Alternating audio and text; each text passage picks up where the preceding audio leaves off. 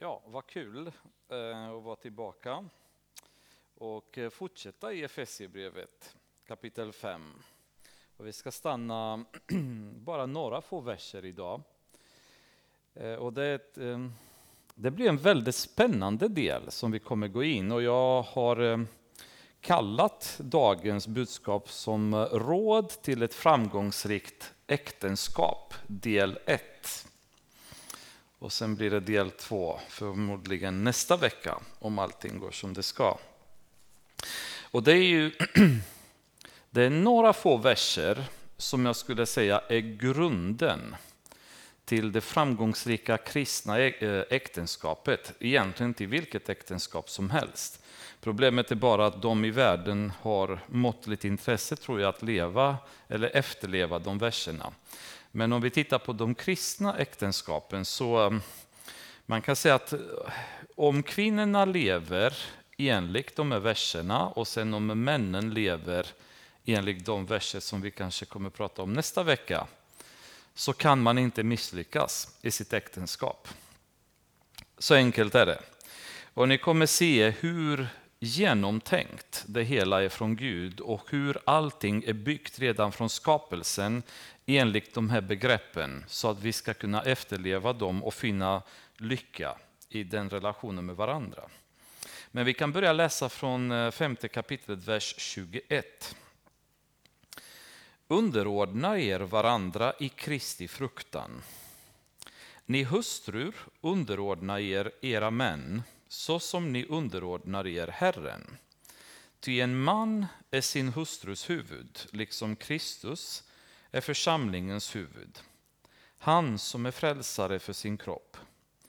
Som församlingen underordnar sig Kristus skall hustrun i allt underordna sig sin man.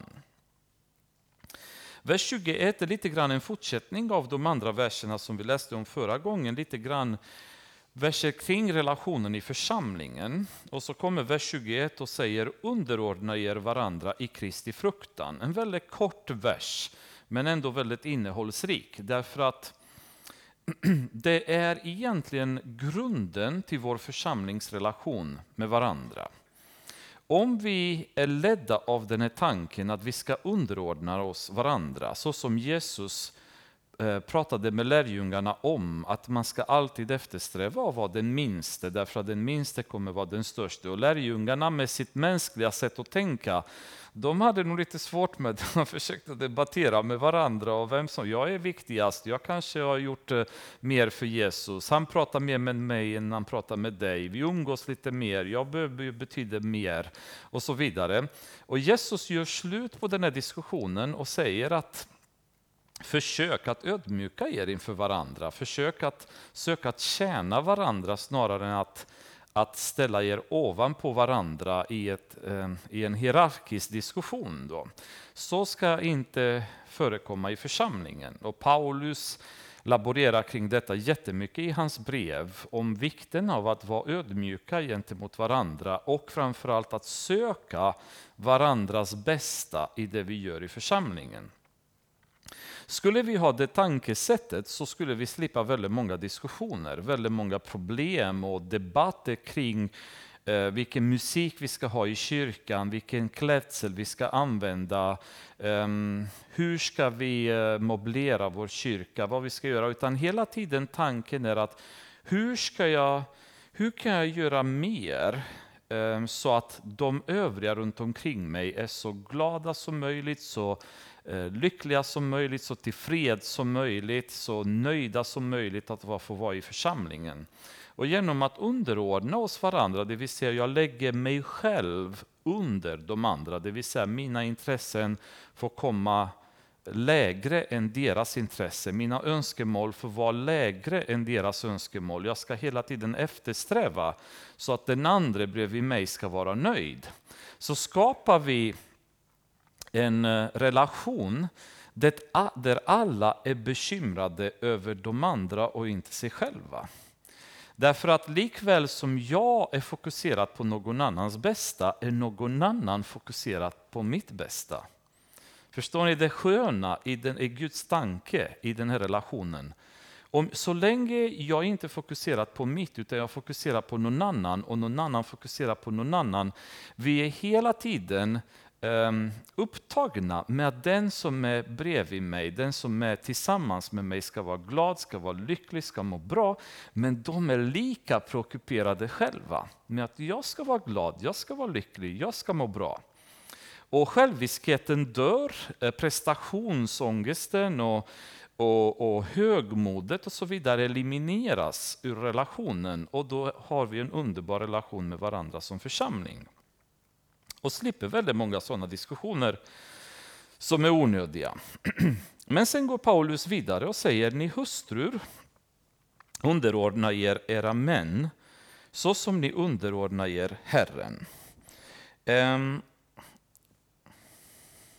i vårt moderna sätt att leva idag eller bete oss idag så är hela det här konceptet um, av att underordna sig någonting som vi ryggar tillbaka mot. Vi tycker inte om att underordna oss. Det är ingenting som, som tilltalar oss. Eh, I karriären så är det hela tiden poängen, du ska klättra så högt upp som möjligt i din karriär. Du ska bossa helst över så många som möjligt och inte andra ska bossa över dig. Om någon råkar bossa över dig, då ska du göra klart för dem att de kan inte ta, alltså, tala om för dig vad som helst, hur du ska göra, vad du ska göra. Du får ju själv ändå vara med och ha dina åsikter, bestämma, säga ifrån och så vidare. Barnen i skolan är lärda väldigt mycket idag och att kritisera sina lärare, att ifrågasätta sina lärare och respekten gentemot lärarna börjar försvinna, där barnen mer och mer tappar respekten för sina lärare, därför att samhället talar om för dem att ni måste ju ifrågasätta, ni måste ju um, ja, ha egna åsikter i det hela. Men i, i, i, Bibeln är ju precis tvärtom, där uppmanar vi oss, uppmanas vi hela tiden att ödmjuka oss. Att betrakta oss själva lägre än de andra runt omkring oss då. Eh, och ha det här tankesättet. Eh, och de här relationerna, alltså samhällsrelationerna, är väldigt viktiga i Bibeln. Alltså Bibeln är full med lagar och råd som Gud ger människorna kring väldigt mycket i relationer som vi har med varandra. Det finns enormt många texter som handlar om relationen mellan män och kvinnor. Texter som handlar om relationen mellan föräldrar och barn. Texter som handlar om relation mellan anställda och arbetsgivare eller som det var på den tiden slavar och deras mästare. Då. Ehm, befolkning och statsmakt pratas åtskilliga eh, gånger i Bibeln om hur man ska bete sig gentemot myndigheten. Hur ska man agera gentemot myndighet i allt ifrån hur man respekterar lagar, hur man betalar skatt och så vidare. Ehm, diskuteras väldigt mycket. Eh, väldigt mycket diskussion kring församling och församlingsledning till exempel. Vilket tyder på att Gud är ytterst intresserad att relationerna mellan människor ska fungera bra. Men likväl att det finns en hierarkisk ordning som Gud har bestämt i samhället och i världen som vi måste Eh, respektera eller uppehålla oss kring. Därför att om vi rubbar den strukturen så rubbar vi den plan som Gud har för mänskligheten och den ordning som han har lagt fram. Och i den finns framgången, utanför den så finns det ingen framgång. Där finns det problem, det finns elände, det finns konflikter, det finns krig och så vidare. Och därför är det ju väldigt viktigt. Eh, och Paulus säger i vers 22, ni hustrur underordna er era män. Och där kommer svaret på första frågan som vi kan ställa, vem ska kvinnan underordna sig? Och versen säger, underordna er era män, så som ni underordnar er Herren. Med andra ord, ni ska underordna er Herren och på samma sätt som ni underordnar er Herren så ska ni underordna er era män. Så först Herren, sen era män ska ni underordna er. jag vill göra då det klart från början, för här har det varit ett, en missuppfattning tror jag, bland kristna och likväl även kanske bland en del i världen som kanske har kunskap lite om de här verserna, även om de inte är kristna. Ingenstans i Bibeln står det att kvinnan ska underordna sig män. Utan kvinnan, det vill säga hustrun, ska underordna sig sin make. Punkt. Det finns ingen tvång, det finns inget bud, det finns inget krav att en kvinna ska underordna sig någon annan man än sin egen make. Och där måste vi direkt pulverisera feminismens patriarkala hot över att männen styr över samhället och kvinnorna är tvungna att underordna sig männen. Det finns inget sådant krav enligt Bibeln. Enligt Bibeln finns bara ett krav och det är att kvinnan, det vill säga hustrun, underordna sig sin man, sin make. Och det har funnits ett motstånd i väldigt många kulturer. Att eh, män tyckte inte om att vara kvinnliga chefer till exempel. Och betraktade det som osunt, som konstigt, som oacceptabelt enligt Guds ord.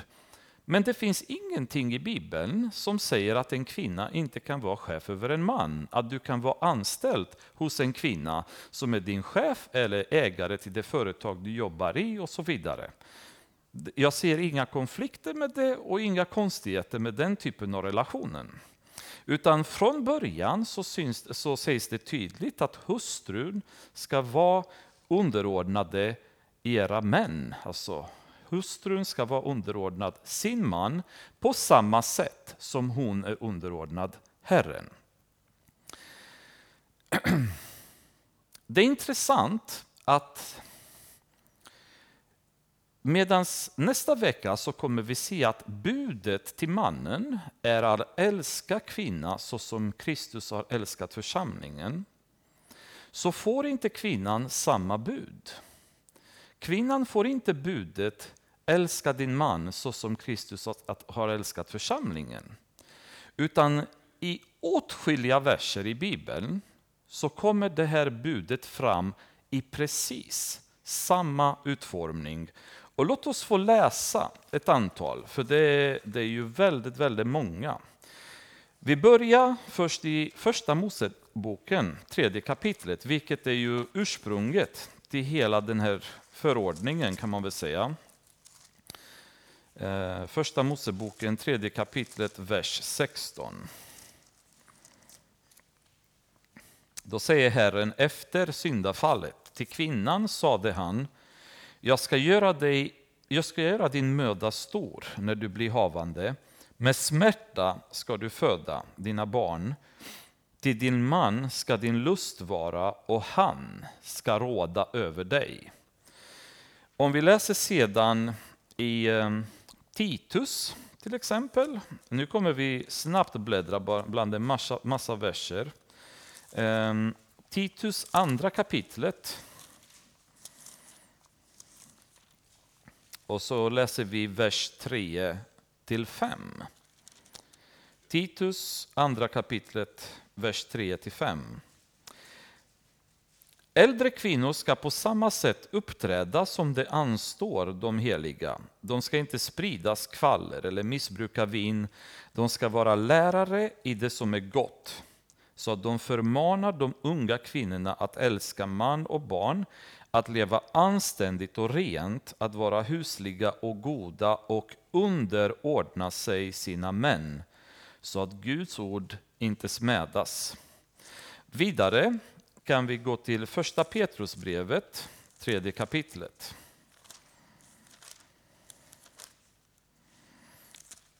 Och där börjar vi läsa från vers 1.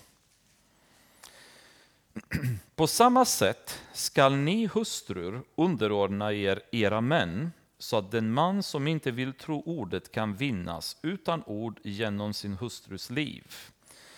Kolosserbrevet, tredje kapitlet, vers 18. Ni hustrur, underordna er era män, för så bör det vara i Herren. Första Korintierbrevet, elfte kapitlet, vers 3. Blir det mycket bläddrande? Hinner ni bläddra från den ena till den andra under tiden? Då kan ni bara lyssna. Första Korintierbrevet, elfte kapitlet, vers 3. Och nu vill jag att ni ska veta att Kristus är varje mans huvud, att mannen är kvinnans huvud och att Gud är Kristi huvud. Och slutligen första Timoteusbrevet, andra kapitlet. Och där läser vi vers 12 och 13. Jag tillåter inte att en kvinna undervisar eller gör sig till herre över mannen, utan hon ska leva i stillhet eftersom Adam skapades först och sedan Eva.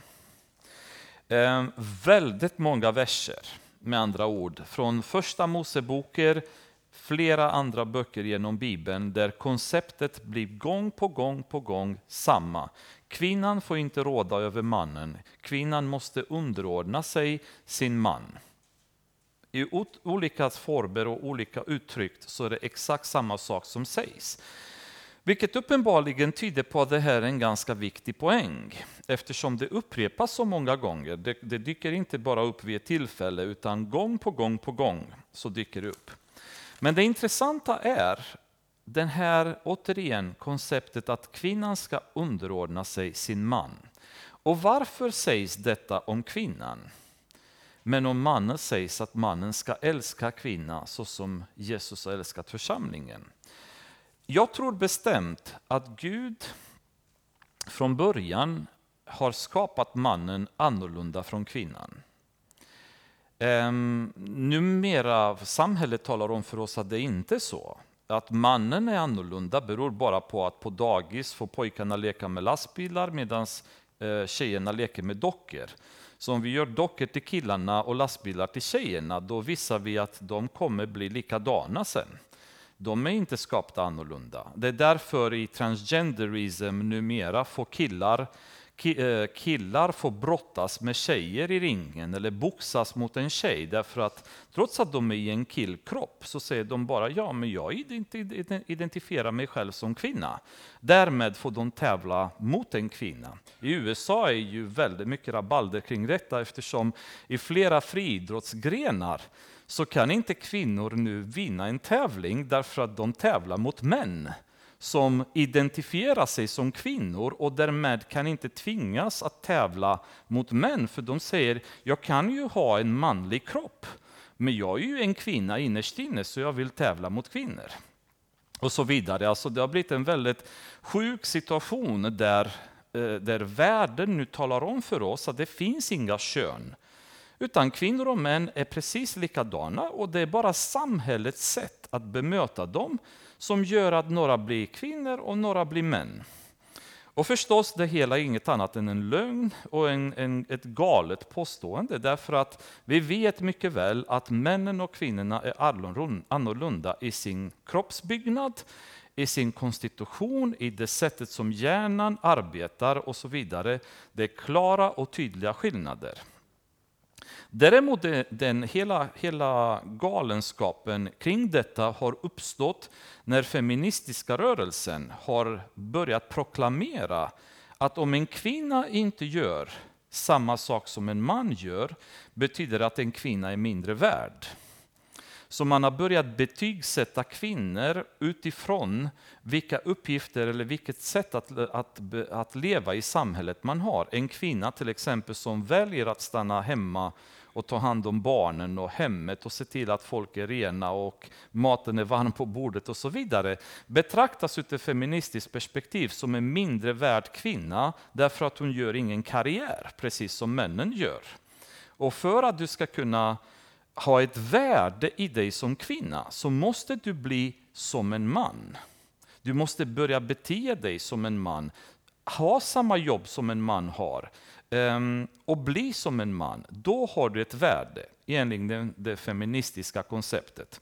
Eller den, den sjuka feministiska konceptet. Det finns ju vissa bra delar i feminismen, men, men det har spårat ut nu till galenskap. Men enligt Bibeln så vet vi mycket väl att mannen är skapt annorlunda. När, när Gud har skapat mannen så var han för det första först. Han skapades först utav Gud. Och han fick auktoritet att till exempel ge namn åt alla djur och alla fåglar. Det gjorde han innan någon annan kvinna kom. Han fick en auktoritet och en kontroll över jorden redan då. Sen, ur mannen, vet vi mycket väl, så har kvinnan skapats. Och det upprepas gång på gång genom Bibeln att man måste ha det i åtanke att det, det är kvinnan som skapades ur mannen. Då. Mannen redan från början, genom det faktum att han var först, han fick auktoriteten att nämna alla djur, alla fåglar, så fick mannen redan då från Gud givet en dominerande ställning i skapelsen. Genom kroppen som mannen har fått dessutom så har mannen fått en betydligt större muskelmassa. Man har fått en annan typ av röst till exempel än vad kvinnan har. Man har fått testosteron istället för östrogen vilket ger en annan, en annat temperament, annat sätt att vara.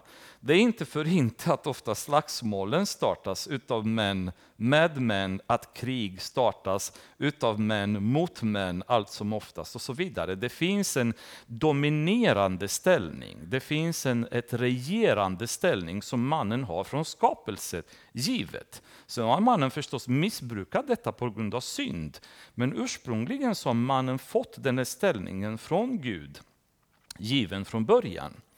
Och därför tror jag bestämt att Gud vet att det som får mannen lycklig innerst inne, det är att bli respekterad och att kvinnan underordnar sig den auktoritet som varje man innerst inne har.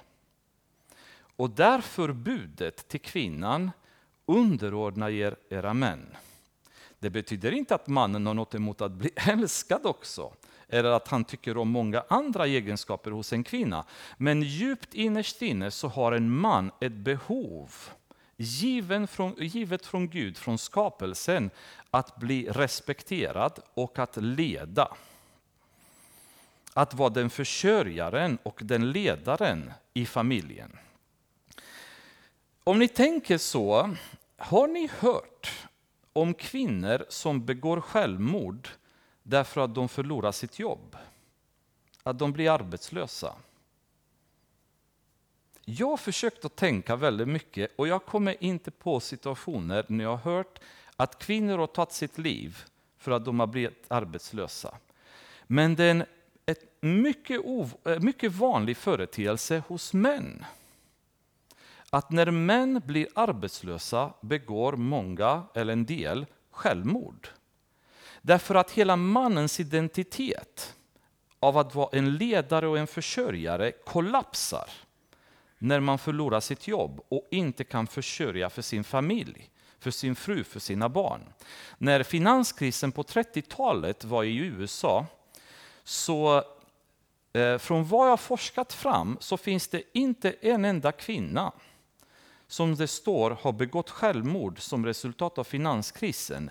Men skaror av män har tagit livet av sig genom att hoppa, hoppa en del från skyskraporna i New York eller på många olika andra sätt.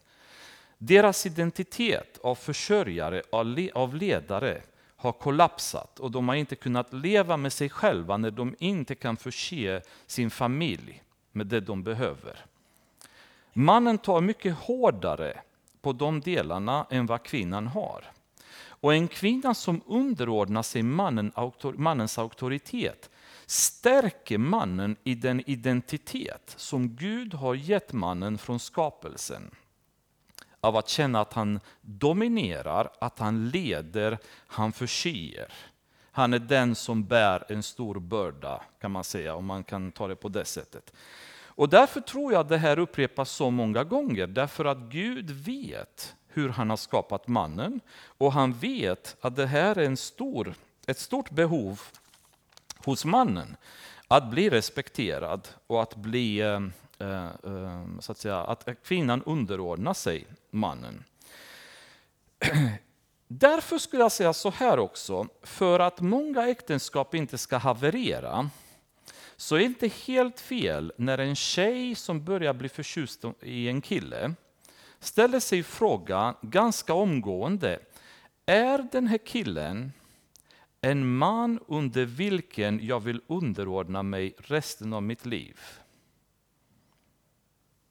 För där kan redan många relationer ta slut. För du som kvinna måste titta på den killen och säga, jag har så mycket respekt för honom att jag är beredd att underordna mig denna killen hela resten av mitt liv. Han får vara pappa till mina barn och jag är beredd att underordna mig och respektera honom hela resten av mitt liv. För om du tittar på den killen och ser honom som en slags löjlig figur, med vilken du upplever att den här kan jag manipulera honom precis som jag vill. Jag kan köra med honom precis som jag vill. Jag kan få honom att peka dit och så går han dit och jag pekar dit och så går han dit. Jag kan använda honom som en toffel precis som det behagar mig. Jag kan utnyttja hans pengar, hans intelligens, hans position och kan manipulera honom. Då är man väldigt farligt ute på en katastrofal relation redan från början. Utan frågan är, kan jag underordna mig den här mannen resten av mitt liv och respektera honom? Kan man svara ja på, ja på den frågan, då är det redan ett bra start i äktenskapet. Nu har vi i alla fall fått reda på att kvinnan ska underordna sig sin man och ska underordna sig, ska underordna sig Herren. Egentligen så skulle man inte behöva gå vidare. Bibeln säger att man ska göra det, då ska man göra det. Men vi vill oftast veta varför. Eller hur? Annars är vi inte riktigt nöjda. Vi har ofta svårt att lyda bud som Gud ger oss om han inte förklarar för oss varför. För annars anser vi oss själva ha rätt att bryta mot Guds bud om vi inte får en vettig förklaring. Och då är det frågan, varför? Ja, mitt första svar på den frågan det är därför Gud säger det. Och egentligen skulle vi lika gärna kunna stanna här. Om Gud säger att det, vi ska göra så, så får vi göra så. Är det jobbigt? Kanske. Skulle vi vilja göra något annat? Mycket möjligt. Ehm, skulle vi vilja köra med våra män istället eller eh, förlöjliga dem eller kalla dem för idioter eller dumma och så vidare som många fruar gör? Mycket möjligt. Men Gud säger att vi ska underordna oss. Alltså att, att, att kvinnan ska underordna sig sin man. Så det räcker egentligen. Men återigen, vi brukar inte vara nöjda med det, så jag, jag ska vara generös och så ska jag ge er fler anledningar till varför. Eh, en annan anledning är ju första Korintierbrevet, som vi precis läste tidigare. Men låt oss läsa några andra verser därifrån. Korintierbrevet 11 igen, första Korintierbrevet. Och så läser vi vers eh, 8 och 9 istället.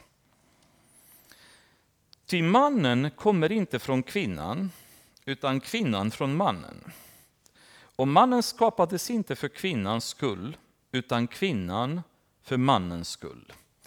En anledning, återigen, och det upprepas på flera andra ställen, det är att Kvinnan skapades från mannen och utav den anledningen så har Gud bestämt att mannen ska råda över kvinnan. Och det är, en, det är en eh, respekt för Guds ordning helt enkelt som kvinnan har i det läget. Eh, Gud har dessutom bestämt en ordning eh, genom vilket han interagerar med samhället. Och när vi pratar samhället och utifrån ett kristet perspektiv, då har vi å ena sidan familjen och å andra sidan församlingen.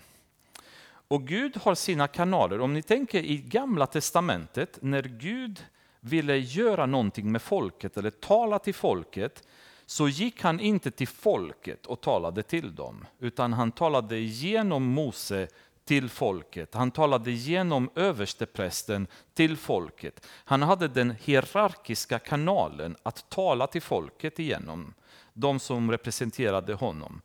I församlingen är det på samma sätt. Gud väldigt många gånger ger mer vishet, mer insikt och vägledning åt de som är församlingsledare därför att det är den ordningen han har bestämt.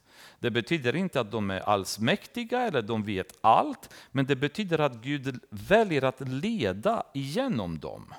Därför att det är den ordningen som är bestämt. Att det ska finnas äldste pastorer och igenom dem så leder Gud församlingen. Och jag tror väldigt starkt att i situationer av förvirring eller ehm, vägg, när vi går till, så att säga, vi, vi hamnar vid en väggkors och åt vilket håll ska vi gå som församling och så vidare, så tror jag att de som i huvudsak får ljus eller klarhet från Gud och vishet kring vilket håll vi ska gå är församlingsledningen framför allt. Sen kan, kan vi lite upproriska ibland själva som medlemmar och tycka att jag vet hur mycket bättre. Men det är inte det sättet som Gud arbetar. Vi kan ha våra åsikter. Det kan resa sig en profet i församlingen som har en profetia till församlingsledningen eller till övriga och så vidare. Men i grunden så är det församlingsledningen som Gud väljer att arbeta igenom. I familjen så säger det här också Paulus att Kristus är huvudet för mannen och mannen är huvudet för kvinnan. Det är den hierarkin som Gud har valt att jobba igenom i familjesammanhang. Då. Nummer fyra, om vi läser Petrusbrevet, eh, tredje kapitlet, vers 1. Egentligen så hela den här biten i Petrusbrevet är ganska så bra att läsa kan man säga, för det är också en lite längre beskrivning om just relationen mellan, mellan kvinnorna och männen där. Men ehm, vi kan i alla fall börja läsa i första tredje kapitlet där. Då, då säger han så här, på samma sätt ska ni hustrur underordna er era män, så att den man som inte vill tro ordet kan vinnas utan ord genom sin hustrus liv. Med andra ord, genom att vara underordnade era män så kommer ni utföra ett evangelistiskt arbete. Genom ert beteende och ödmjukhet så kommer ni predika ett evangelium till era män och få dem att vända sig till Jesus på grund av det exempel som ni visar dem. Och Det är väldigt spännande, därför att det här, jag vet inte om ni har sett de här fallen här i Sverige ofta, men i Rumänien är ju väldigt ofta som vi hade sådana systrar i församlingen som kom till tron och männen var inte tro, troende. Och många av dem var suputer, andra var bråkmakare hemma, en del fick stryk av sina män för att de gick till kyrkan och så vidare. Det var inte alls ovanligt. Men de låg i och gav inte upp. Och deras sätt att leva och den förvandling som de visade för deras män hemma ehm, och den respekt dessutom som de visade sina män hemma trots att de var riktiga sikenennar mot dem det gjorde i åtskilliga fall att männen blev frälsta också. Till slut så bröt de ihop helt enkelt. Det som Paulus säger, genom att vända en god gärning mot en ond, det du staplar brinnande kol i huvudet på den andra och till slut så, så fattar hela gubbens huvud eld och då var de frälsta i kyrkan. Så Paulus säger alltså, eh, Petrus säger i det här fallet så, så utför ni ett evangelistiskt arbete. Dessutom det intressanta är att genom den här versen så förstår vi att, att även när det gäller ofrälsta män så ska en kristen kvinna fortfarande underordna sig. Men han känner inte Jesus, han bryr sig inte. Han är ju han är ett otyg, han super och så vidare. Det spelar ingen roll. Han är fortfarande utsatt av Gud att vara huvudet och en kvinna måste underordna sig. Och jag kan förstå att det här är fruktansvärt svårt för en kvinna som lever med en sån man att visa honom respekt när han är ett svin kanske kan man tycka i det sätt han beter sig och underordna sig honom varför? När han ingenting han gör är ju vettigt. Varför ska man underordna sig en sån människa? Men Gud säger därför att då får du en chans att evangelisera honom. Du får en chans att vända honom till Jesus. Och sist, ehm, om vi går tillbaks till Titus, andra kapitlet, vers 5 där, så har vi ehm, ytterligare, ytterligare en anledning. Vi kan läsa egentligen um, um,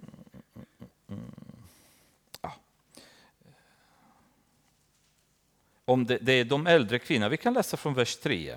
Äldre kvinnor ska på samma sätt uppträda som de anstår det heliga.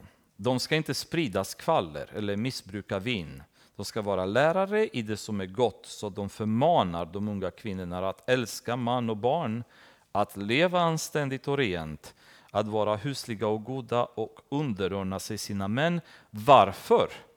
Så att Guds ord inte smädas. Med andra ord, så ingen som ser på den här relationen ska kunna säga, men vad är de för exempel? Kolla, kristna, hur de lever med varandra. Hon är ju ettrig och hon gapar på gubben dygnet runt och de bråkar och det är skandal i det hemmet hela tiden. Vad är det för vittnesbörd? Och Titus säger, tänk på att genom att underordna er era män så kommer ni kunna undvika att Guds ord smädas. De som tittar på, de får ingen möjlighet att se att det är något negativt i det kristna äktenskapet eller i det äktenskap ni befinner er i. Um, har man detta i åtanke, då har vi i Ordspråksboken, 31 kapitlet, ett exempel till vad detta leder till. Eller hur en sån här samhälle, eller vad samhället ser när en kvinna agerar på det sättet. Och Ordspråksboken kapitel 31 betraktas som det här är kapitlet som pratar om modellkvinnan. Alltså om en man ska kunna, ska kunna önska sig någonting, det är bara att läsa Ordspråksboken 31 och säga en sån vill jag ha. Liksom. Um, om vi börjar vers 10 till 12. En god hustru, var finner man en sån? Långt mer än pärlor är hon värd.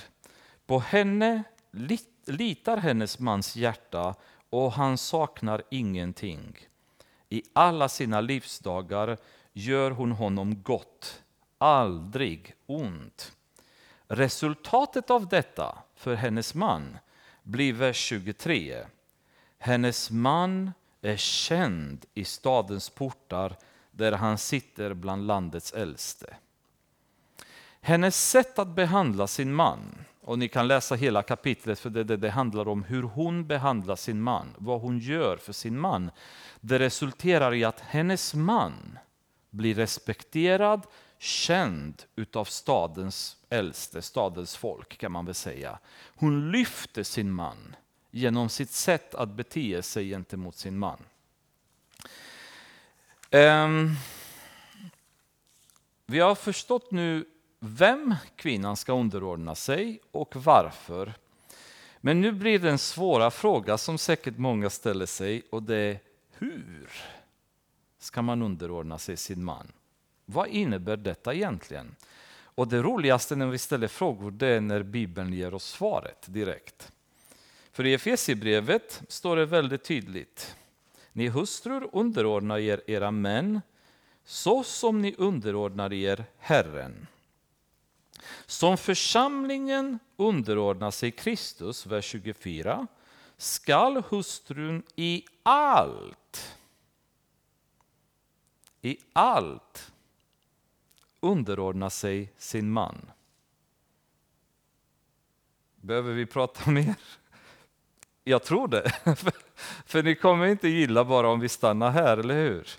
Men, men svaret är väldigt tydligt. På samma sätt som vi som församling ska underordna oss Jesus, på samma sätt ska kvinnan underordna sig sin man. Och det här blir väldigt, väldigt tufft. Därför att vi lever många gånger i församlingen på ett sådant sätt så vi inte underordnar oss Jesus som vi ska. Därför blir det ganska främmande för oss, eller för en kvinna, egentligen, hur ska jag underordna mig min man? När vi som församling har inte visat för kvinnorna som är i vår församling, hur ska de underordna sig sina män eh, genom att titta på hur vi som församling underordnar oss Jesus? Eller hur? Det blir lite svårt. Och därför är så många kristna kvinnor till och med Eh, de saknar respekt för sina män, de förlöjligar sina män offentligt eller eh, mer i det dolda eller på olika sätt. Ehm, därför att de har aldrig lärt sig hur vi ska bete oss gentemot Herren. Vi är inte seriösa i vår relation med Gud. Vi spenderar inte tid med Gud. Vi lyder inte Guds bud. Vi lyder inte honom överhuvudtaget många gånger. Så varför ska kvinnan då lyda sin man eller vara underordnad sin man när man inte har sett församlingen göra det? Men om vi tittar på den bild av församlingen som Bibeln ger så är det just det som vi ska göra som församling. Vi ska följa Jesus i allt. Allt han, han säger att vi ska göra skall vi göra. Vi ska ha respekt för honom, vi ska spendera tid med honom, vi ska prisa honom, vi ska ju lovsjunga honom, eller hur? Och tror inte ni att en man, så som vi är, lite dominerande kanske, lite fåfängliga i vårt sätt att vara som alfahanar, tror inte ni att en man bara det är som musik för mannens öron när en kvinna pratar gott om sin man istället för att klanka ner på honom. Berömmer honom istället för att kritisera honom. För ni vet vad, vad Salomo säger, bättre att bo i ett hus utan tak än i ett hus med en argsint kvinna. Det, det, det är ingenting som får en man att må bra av att leva med en kvinna som hela tiden trycker ner honom och använder honom som en toffel och inte behandlar honom som en man. Som han vill bli behandlad, som han är skapt av Gud att få nöje och glädje i att bli behandlad på det sättet.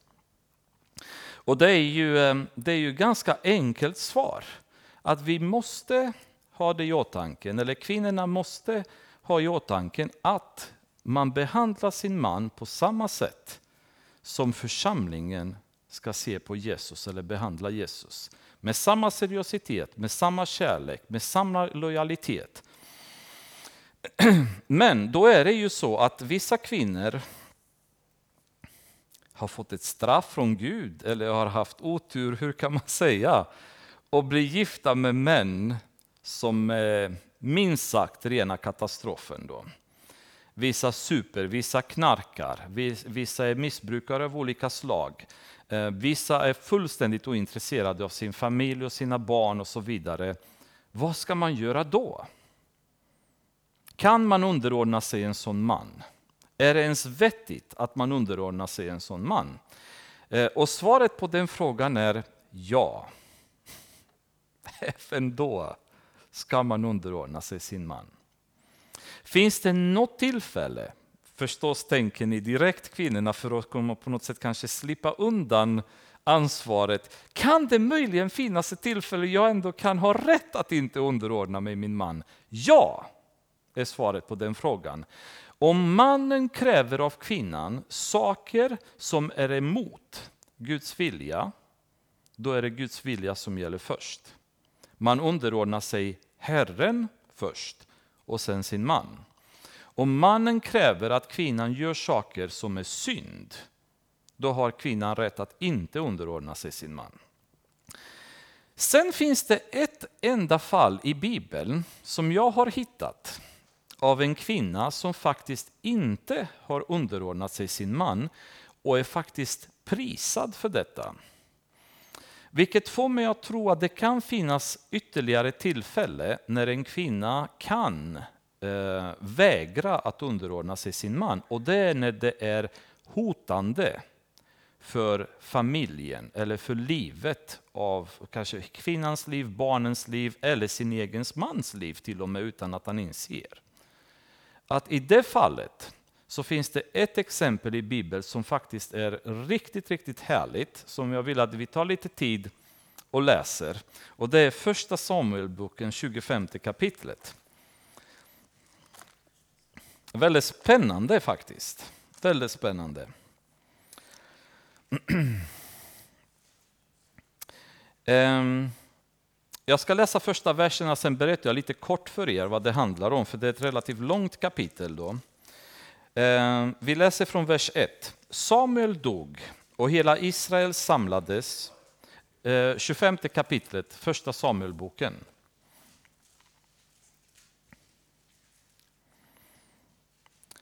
Samuel dog och hela Israel samlades och höll dödsklagan efter honom. De begravde honom i hans hem i Rama.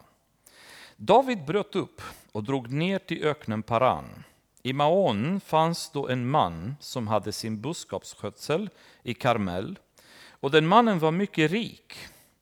Han ägde 3000 får och 1000 getter och han höll på med fårklippning i Karmel. Mannen heter Nabal och hans hustru heter Abigail. Hon var klok och vacker. Han var hård och ond i allt han gjorde. Fatta vilken dålig kombination. Och det är precis det jag säger, alltså, vissa, vissa har verkligen dratt en nitlott av olika anledningar. Liksom. Hon är klok och vacker, alltså ganska sällsynt kombination måste jag säga. Och hon hade dem båda och han var hård och ond i allt han gjorde. Så det där kan inte ha varit någon vidare glatt äktenskap kan man väl säga. Han var en ättling till Kaleb. Och sen kommer berättelsen. Det som händer nu är att David var i öknen och Nabals folk hade varit tidigare hos David och haft sina får ute i öknen då. Eller där de befann sig på den tiden i alla fall. och Davids folk, istället för att råna de här eller ta deras boskap och så vidare som de kunde ha gjort, valde istället att beskydda de här fårherdarna. Och de agerade, berättade om fårherdarna sedan i kapitlet, de agerade som en mur mellan dem och potentiella faror. Så Davids män hade liksom bestämt sig att vi ska skydda de här fårherdarna så de har det bra. De har återvänt hem nu till Nabal. Han håller på med fårklippningen i Karmel. Och David nu är på flykt undan Saul, vilket han gjorde för det mesta under den här perioden. Och nu var det ännu jobbigare därför att Samuel, som var som en buffertzon då mellan honom och Saul, alltså mycket av det som Saul eh, ville göra mot David kunde han egentligen inte göra därför att det fanns som en eh, Samuel var in, emellan dem, så han vågade inte gå hela vägen. Han har dött nu. Så nu förstår David att nu är det illa, så han dror, drar med sina män till Paran i öknen, långt ifrån Saul då för att komma undan. Men de får problem, de har inga provianter med sig. Så David skickar några män till Nabal och eh, väldigt respektfullt och, och trevligt säger din tjänare David och så vidare undrar om du kan ge oss lite mat för att eh, ja, det, det, är lite jobbigt då. Och Nabal, eh, ond som han var, säger bara varför ska jag göra det?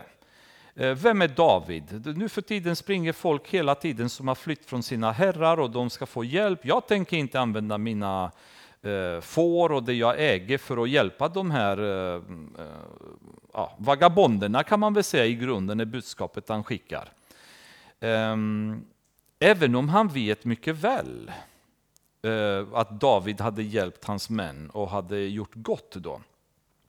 Och de här männen vände sig tillbaka till David och eh, berättade för honom att eh, ja, Nabal har sagt liksom att eh, det blir inget med det och förklarat att han var väldigt eh, ovillig att hjälpa till. Och David blir ursinnig. Så han drar iväg med 400 man, sen lämnar han 200 eh, att vänta på ett ställe och drar vidare med 200 av männen. Fast besluten av att döda den förstfödde, eh, de förstfödde männen i hela Nabals eh, hus. Med andra ord, det är slakt då. Han har ju fått nog, väldigt irriterad att han inget hjälp fick. En av kännarna han eh, får reda på detta och springer till Nabals fru Abigail och berättar för henne, vi kan läsa vers 14, eh, Se, David har sänt hit budbärare från öknen och låtit hälsa vår Herre, men han snäste av dem. Men dessa män har varit till stor nytta för oss. Vi har aldrig lidit någon orätt och aldrig har något kommit bort för oss under hela den tid vi drog omkring med dem, medan vi var där ute på marken. De var en mur för oss, både dag och natt, under hela den tid vi vistades hos dem medan vi vaktade jorden. Tänk nu efter och se vad du kan göra för olika hota vår Herre och hela hans hus. Han är en ond man så ingen kan säga något till honom. Då gör Abigail något som kanske hon inte skulle göra. Hon underordnar sig inte sin man och, hans, och hennes mans beslut. Utan hon fyller, tar massa mat med sig och åsner och rusar iväg själv. Faller vid Davids fötter och ber David att skona eh, Nabals eh, eh, hus och säger att eh, låt, låt inte dig liksom drivas av ilska gentemot honom, för han är precis som hans namn beskriver honom. Nabal betyder dårskap, så, så han är lika, lika stor dåre som hans namn egentligen talar om för, för dig att han är. Då. Och till och med hon säger han är en ond man. Liksom. Eh, men tänk efter, säger hon. Därför att du är känd Israel som en godhjärtad man och som lyder Gud och du gör aldrig något ont. Och nu är du på väg att slakta, kan man säga, eller um, vad ska man säga, hämnas på Nabal. Och detta kan följa dig som en synd framöver. För ni kommer ihåg att i psalmerna säger David hela tiden att hämnden tillhör Herren. Väldigt ofta, det är genomgående. Han var en väldigt god människa. Många gånger när vi tänker på David så tänker vi David och Batsheba, usch vilken hemskt, hur kunde jag göra det? Men det där var ett tillfälle i hans liv som annars var känt som ett liv av en människa med gott hjärta till Gud och människor runt omkring sig. Och han är på väg att falla på grund av ilska i en hämnd som kommer följa honom hela resten av, ens, av hans liv därefter. Och hon ödmjukar sig till hans fötter och säger, snälla tänk efter. Jag ber dig om nåd för min familj. Här har jag tagit med mig massa mat. Min man, han är ond, han tänker inte rätt. Han är dessutom en dåre. Men tänk också på vad detta innebär för dig. Låt detta gå över, liksom lämna det till Gud och så vidare. David han nästan ryggar tillbaks och bara säger, vilken kvinna. I princip, om vi läser. Han blir helt chockad. Finns det en sån kvinna? Och han prisar henne och bestämmer sig att låta bli hämnas, vänder tillbaka. Hon kommer hem och istället för att Nabal ska säga vilken underbar fru, tack för att tack vare dig så lever jag och dessutom min familj. Han blir väldigt sur och han blir så sur så i princip får hjärtinfarkt och dör. Och det står väldigt tydligt att det var Guds sätt att bestraffa honom för sin attityd. Vilket är också ett svar på, till David, titta du behövde inte göra något, Gud sköter hämnden som man brukar och så vidare. Sen leder det David, han kan inte låta bli och sen gifter han sig med Abigail. Och vem av oss inte skulle ha gjort det, skulle jag säga, om vi hade varit i hans, i hans situation när du ser en sån kvinna, både vacker och klok. Liksom.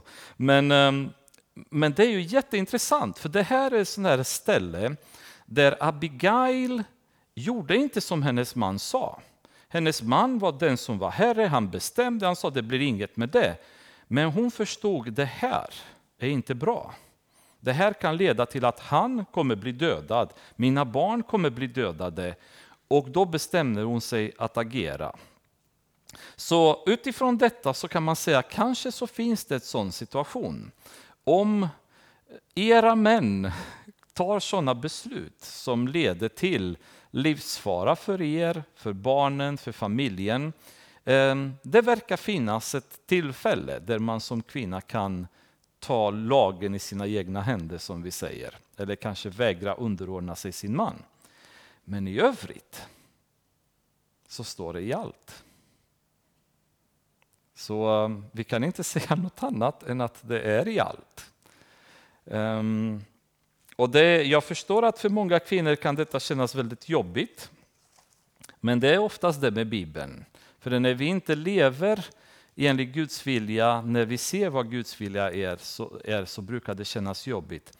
Men tänk att varje bud som Gud ger oss är till vår välsignelse.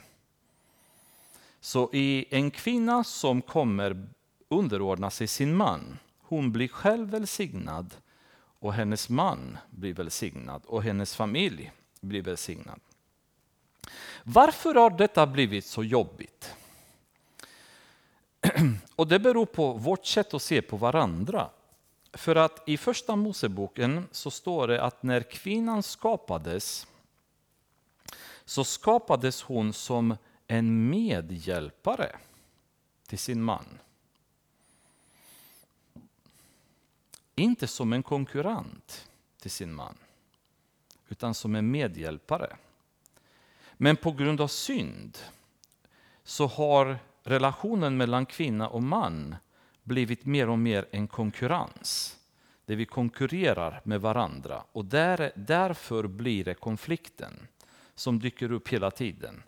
Så kvinnans roll har förflyttats från att vara ett stöd till en man till att vara en konkurrent till mannen. Och mannen, ni vet hur han är skapad. Han är skapad att dominera, han är skapad att kontrollera, att leda. Och när den positionen hos mannen hotas, då blir det problem. En anledning till att djävulen använder sig så mycket av detta efter det, därför att han vet ju själv mycket väl hur mannen är. Och han vet att genom att förödmjuka mannen, genom att krossa mannens identitet, så skapar han förvirring i äktenskapen och, och, relationerna med varandra. Och tycker inte ni att det är lite det som händer i moderna samhället idag? Att väldigt många skilsmässor, eh, och jag kommer prata bara om hälften av det idag, men en stor anledning till, till skilsmässor idag är att mannen har förlorat sin identitet i hemmet. Faktum är att mannen har gjort det redan i första Moseboken. För vad gjorde Adam när Eva kom med frukten till honom? Istället för att han ska agera med sin ledarroll och säga nej. Kvinnan har gjort ett fel, hon har fallit. Men och då är det dags för mannen att ingripa och ta sin ledarroll och, och ta sitt beslut på allvar och säga nej. Det, det tar vi inte och äter. Han faller i sin ledarroll och tar emot samma frestelse. Och män idag som i äktenskap inte tar sin manliga roll på allvar utan har blivit nedvärderade till en slags förvirrande position där de vet inte vilken roll de har längre i hemmet. Vad de är kallade av Gud att göra med sitt hem, med sin familj. Det skapar förvirring, det skapar konflikter och det leder till skilsmässa. Väldigt, väldigt mycket. Och jag tror det är en väldigt eh, allvarlig anledning till att många skiljer sig. Därför att jag tror många män innerst inne är inte män längre. Deras fruar är inte medhjälpare längre. De är rebelliska kanske, de ifrågasätter mannens auktoritet, de förlöjligar sina män, eh, de bedrar sina män med andra män och försöker att härska över mannen eller kuva mannen istället för att underordna sig sin man. Och till slut så orkar inte en del män och säger nu tar det slut, jag går vidare. Ibland kanske de är medvetna om orsaken, ibland kanske de inte ens medvetna. De kanske uttrycker det som de brukar, vi har vuxit ifrån varandra. Men i grunden så kan en orsak vara just detta, att kvinnan har inte varit en medhjälpare längre. Och ni känner till det här talesättet, bakom varje stark man så gömmer sig en stark kvinna.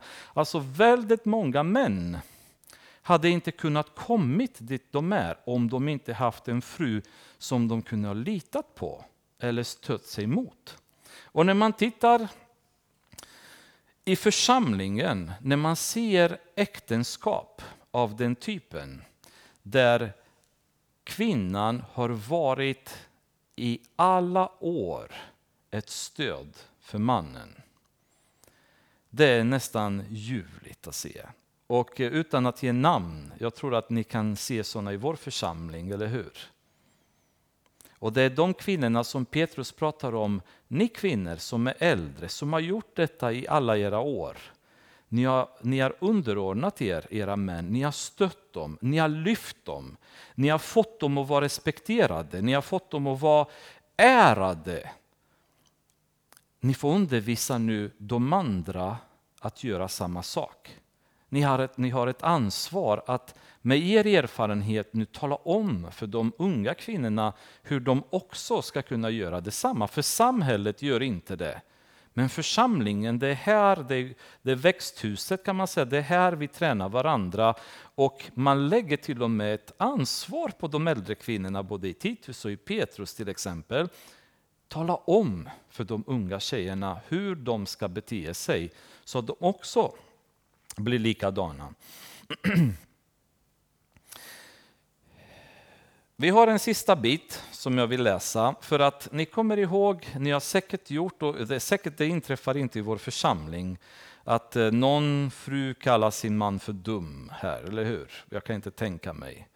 Eh, det står till och med i Bibeln att om vi gör det så hamnar vi i Gehenas eld på ett ställe. Så garanterat så görs inte här hos oss. Men någon kanske kallat sin man för idiot någon gång. Eller eh, förnedrat sin man på något annat sätt. Ehm, eller pratat väldigt illa om sin man inför andra, kvinnor eller män, arbetskamrater och så vidare. Det kan ha förekommit, hoppas inte, men man vet aldrig. Vi har ett exempel på hur eh, man egentligen ska betrakta sin man och den här kvinnan dessutom ges som exempel i Bibeln. Första Moseboken 18 kapitlet.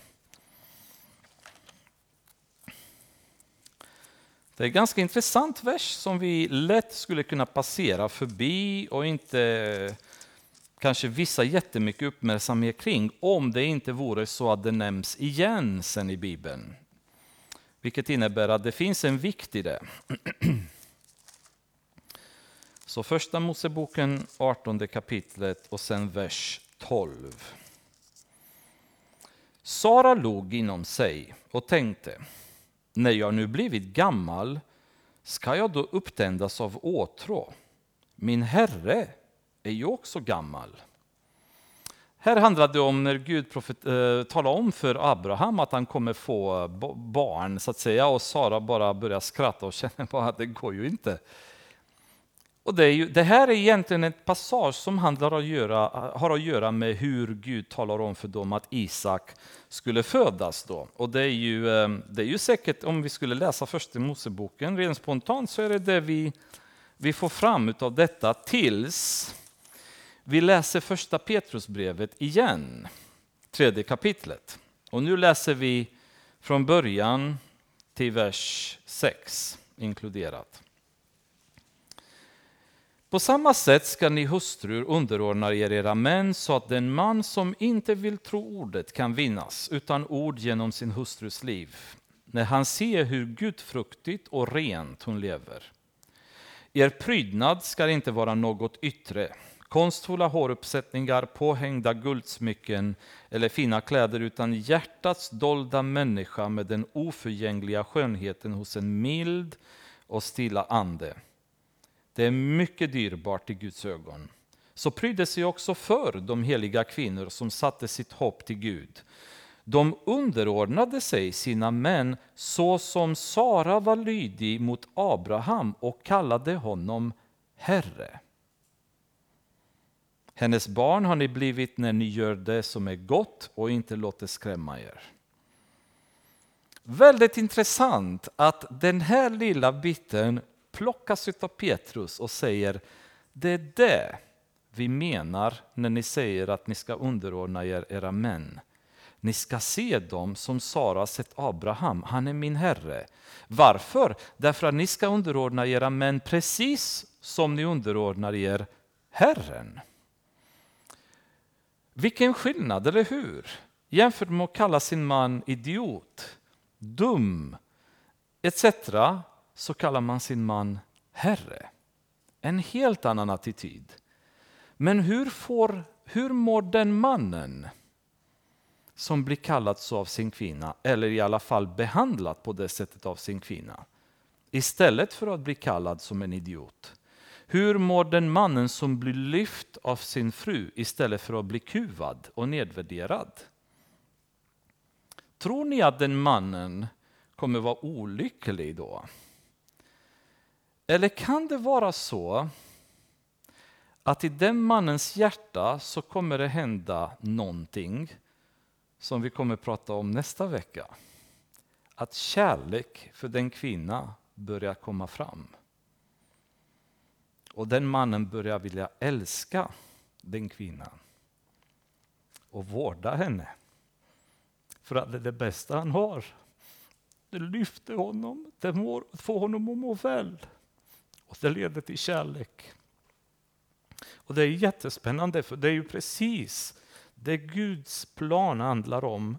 Vi ska komma till den nivån där vi kommer till kärleken för varandra. Det finns en struktur som Gud har valt för att vi ska stärka varandra. Mannen blir behandlad på rätt sätt, så som Gud har velat. Men, och än så länge jag har pratat till kvinnorna, men nu kan jag prata till männen. Som män tror jag aldrig att vi kan ställa det här kravet på våra kvinnor, på våra fruar. Det här är ett bud som Gud har gett kvinnan. Och ingenting som jag kan gå sen och vifta med Bibeln till min fru och säger nu ska du vara så, nu ska du vara så, nu ska du inte prata med mig på det sättet, nu ska du inte bete dig på det sättet. Utan jag som man kan ha den önskan i hela, i hela mitt hjärta. Men jag kan inte för allt i världen gå till min fru och börja banka Bibeln i huvudet på henne och säga så här måste du leva. Utan det här är ett beslut som varje fru, varje kvinna måste själv komma fram till och bestämma sig att jag vill följa det och jag vill leva på det sättet. Och jag som man ska kunna älska henne oavsett.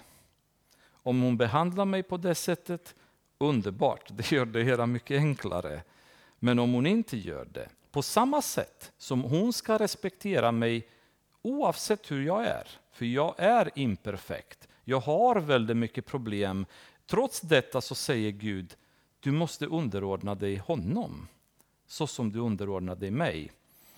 Så måste jag sen ha min attityd gentemot henne. Men det där är en helt annan berättelse. Och ni trodde att det här var jobbigt. Men ni ska vänta till nästa vecka. För att underordna sig det är en sak. Men att älska sin fru så som Jesus älskat församlingen. Då kan jag tala om för er. Det där blir inte lätt. Så ni tjejer kan faktiskt med gott samvete stanna hemma nästa vecka, men se till att gubbarna kommer hit. Liksom, så de får se en ordentlig omgång. men, men ni förstår vad underbart Gud tänker. Eh, Léon Blas, som en, eh, en fransk författare, skrev ganska mycket böcker mot eh, evolutionism och så vidare, om kreationism. Han sa en gång något som jag tyckte var väldigt spännande. Han sa, ju heligare en kvinna är, desto kvinnligare blir hon. Och då kände jag bara, det, det är ju en mans dröm, eller hur? Det är det vi drömmer om. Alltså en, en riktig kvinna, en Abigail som är klok, men som är också vacker och som är kvinnlig och som är en medhjälpare till oss. Och för mig när jag har ibland haft svåra stunder i livet så har det inneburit så mycket att kunna ha Carolina och lita mig på, eller luta mig på. Och som har kunnat genom sin attityd, ibland medvetet eller omedveten, få mig att lyfta. Och då känner man bara att det är det Gud menar. Det är det en kvinna är till för. Då. Och det är det som gör en man lycklig. Herre, vi tackar dig. Jag ber för de äktenskap och relationer vi har i vår församling, Herre, där,